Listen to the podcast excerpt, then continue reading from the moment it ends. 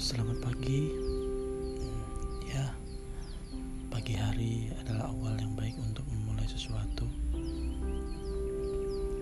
Jangan lupa untuk selalu mengirimkan kata-kata yang romantis ke handphone orang yang tersayang, ke sahabat tersayang, ke teman tersayang kalian. Karena pada kesempatan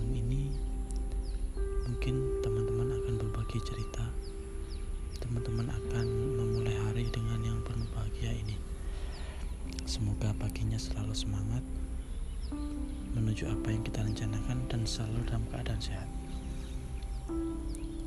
Awal yang baik di pagi hari akan sangat menyenangkan apabila kita saling memberi semangat, saling memberikan hal-hal positif kepada teman, kepada rekan kerja kita, atau kepada orang tersayang kita.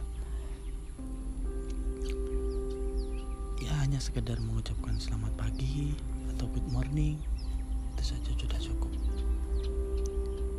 Saya ucapkan selamat pagi, semoga kejadian-kejadian yang akan kita alami nanti